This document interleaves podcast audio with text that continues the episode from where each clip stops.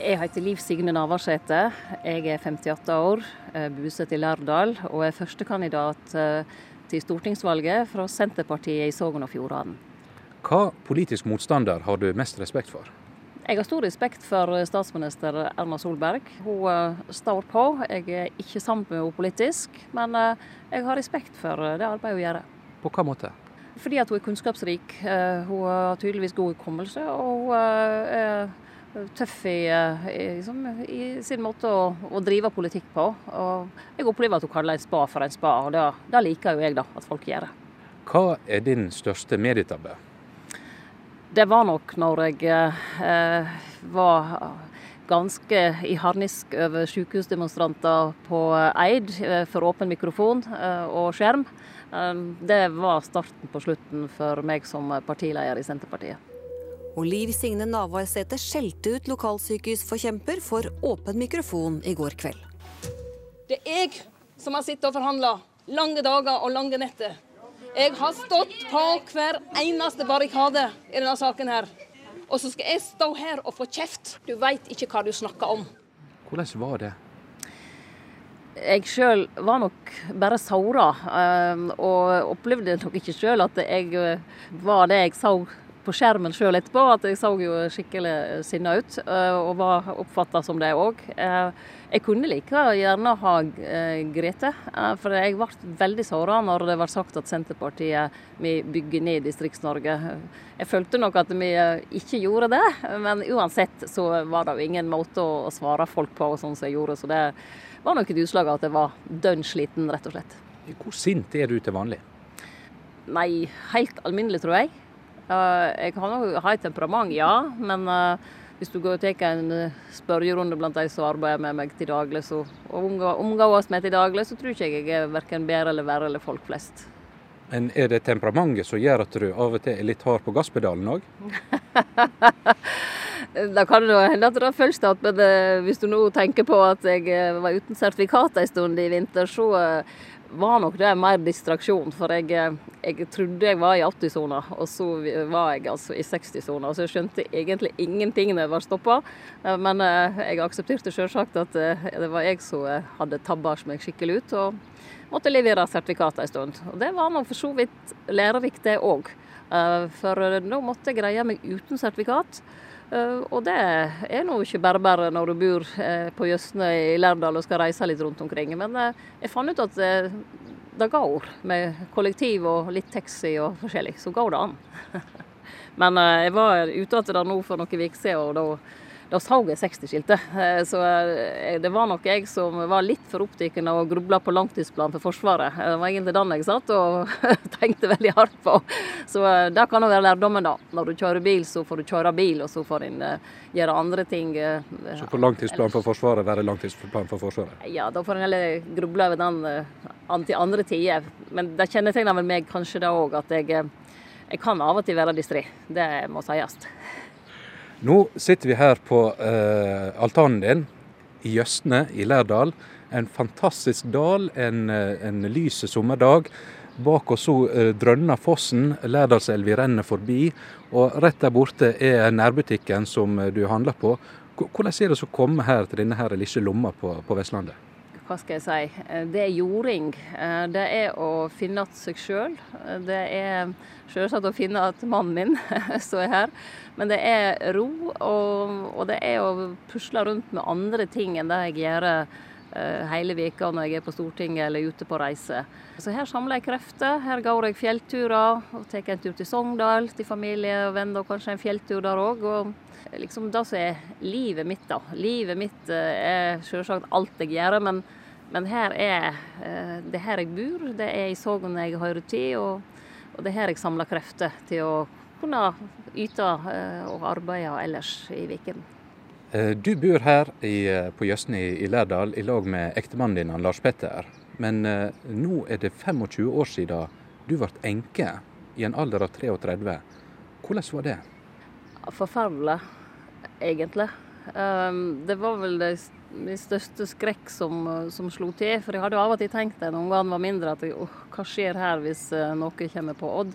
Um, to uh, småjenter og en ny, forholdsvis ny fjøs full av kyr og, og ungdyr og kalver. og og meg som kunne håndtere dyra. Um, og selvsagt kunne jeg håndtere å være mor til ungene mine, men jeg kunne ikke være far deres. Og jeg var heller ingen bonde. Men jeg tror jeg var ei gripa bondekjerring på den tiden.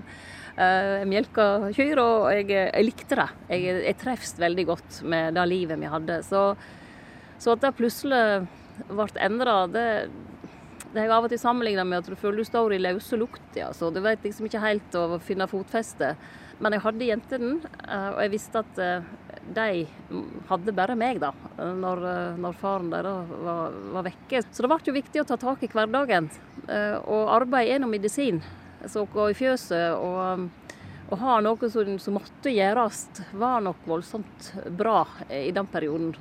For liksom det er viktig når, når en kommer i krise i livet. og Det kan være sykdom, det kan være å miste den du har kjær så er det noe med å holde fast på hverdagen.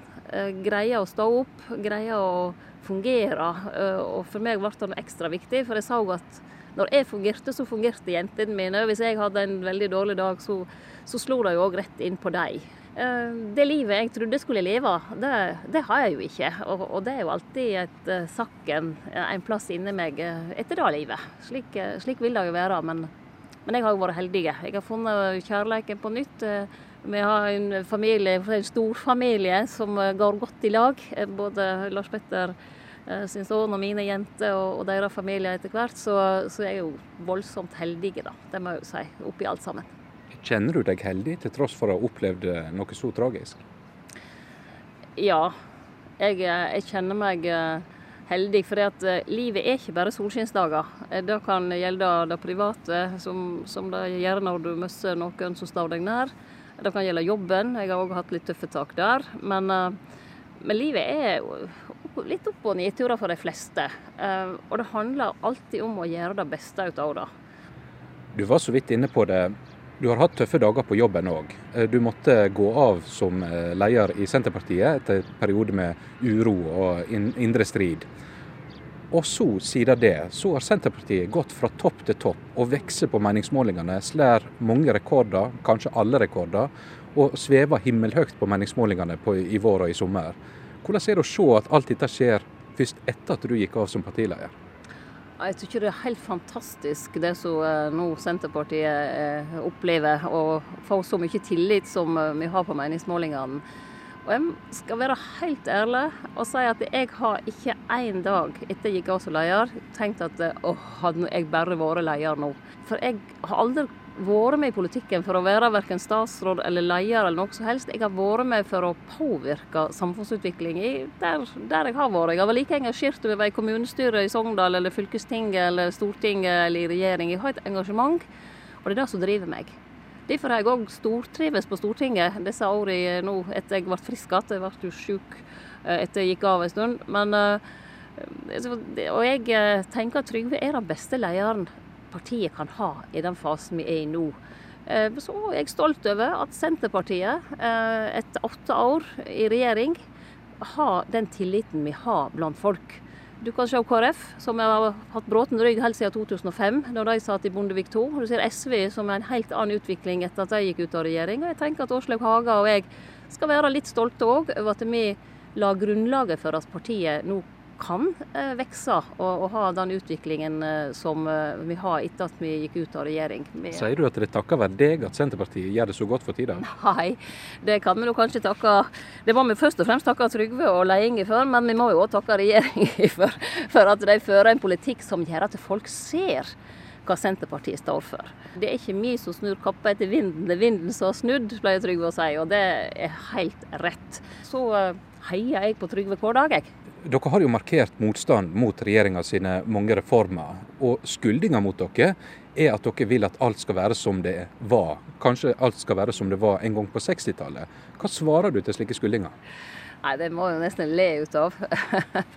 det er vel ingen som har vært så ivrige på å bygge ut bredbånd, f.eks. Fiber og bredbånd. Og Roger Enoksen i sin tid som leder snakka jo om det før folk egentlig visste hva det var. Men, men, men meningsmotstanderne deres sier at fordi at nettopp infrastrukturen har endret seg, så må samfunnsstrukturen endre seg. Hvorfor ikke?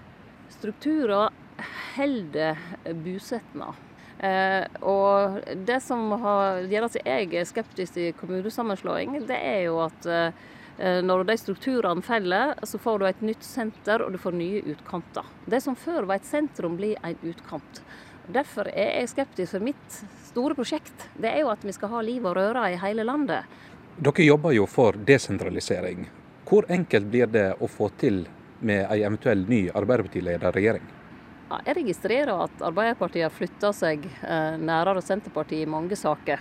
Vi kan ta utjamning og nettleie, som, eh, som, er en kjempeviktig sak for, eh, for vårt fylke og for distriktet. Og slik er det på flere sektorer. Vi ser det på landbrukssektoren og, og mange andre. Så jeg tror at vi skal greie å, å, finne godt ut av det med Arbeiderpartiet. Vi har gjort det i åtte år. Vi vet vi greier å finne kompromiss. Hvor enkelt var det i den perioden? Det var, opp, det var, jo opp og ned, da.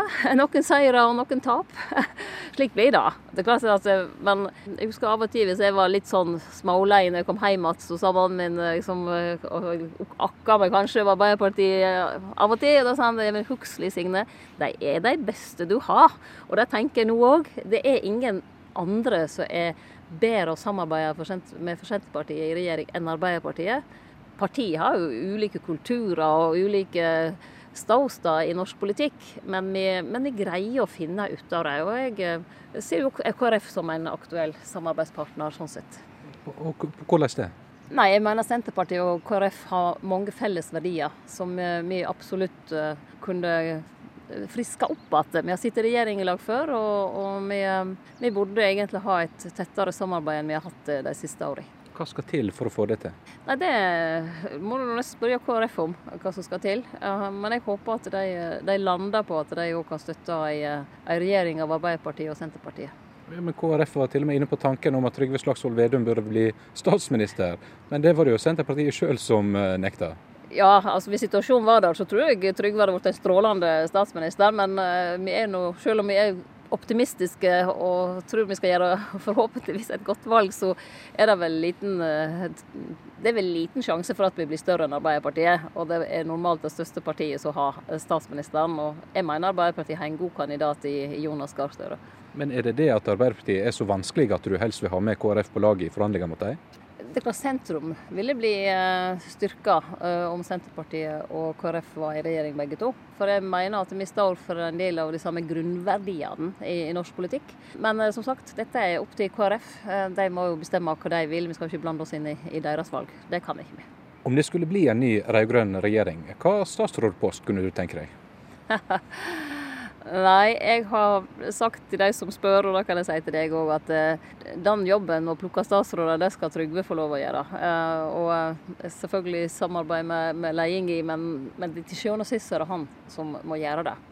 Vi, vi, er jo på jakt etter det beste politiske slagordet i Norge. Hva er ditt slagord? Ja, Det har jeg nok studert litt på. Men jeg har altså kommet til at det må være følgende. Senterpartiet, det er Norge, da. Og Hvorfor det? Det var faktisk eh, Elin Ørjasæter som satte meg på tanken. Eh, for hun hadde et eh, innlegg, eller et intervju der hun sa at småpartiet måtte vekk, med unntak av Senterpartiet. Fordi at Senterpartiet står for viktige verdier og er talsperson for viktige grupper i Norge. Eh, og når jeg traff henne på gata her om dagen, sa hun faktisk da at eh, nei, Senterpartiet, det er jo liksom egentlig Norge, da. Og da tenkte jeg yes, der er slagordet, Elin Ørjasæter. Senterpartiet, da er Norge, da. Så det er egentlig hun vi skal takke for ditt nye slagord? Det var iallfall hun som sendte meg på tanken. Det var det. Nei, for Jeg lurte litt på om du kom til å velge noe sånn som um, Liv Signe Navarsete, 'Jeg har stått på barrikadene'. det kunne jeg jammen ha gjort, for jeg har, jeg har stått på barrikadene. Eller Liv Signe Navarsete, jeg veit hva jeg snakker om. Ja, men det, Jeg behøver ikke det, vet du. Fordi det siste som du sa der, det, snakker, det sier jo alle. så det, det er blitt en sånn saying. Så du veit ikke hva du snakker om. Det hører jeg rett som det Så da blir det Senterpartiet? Det er Norge, da.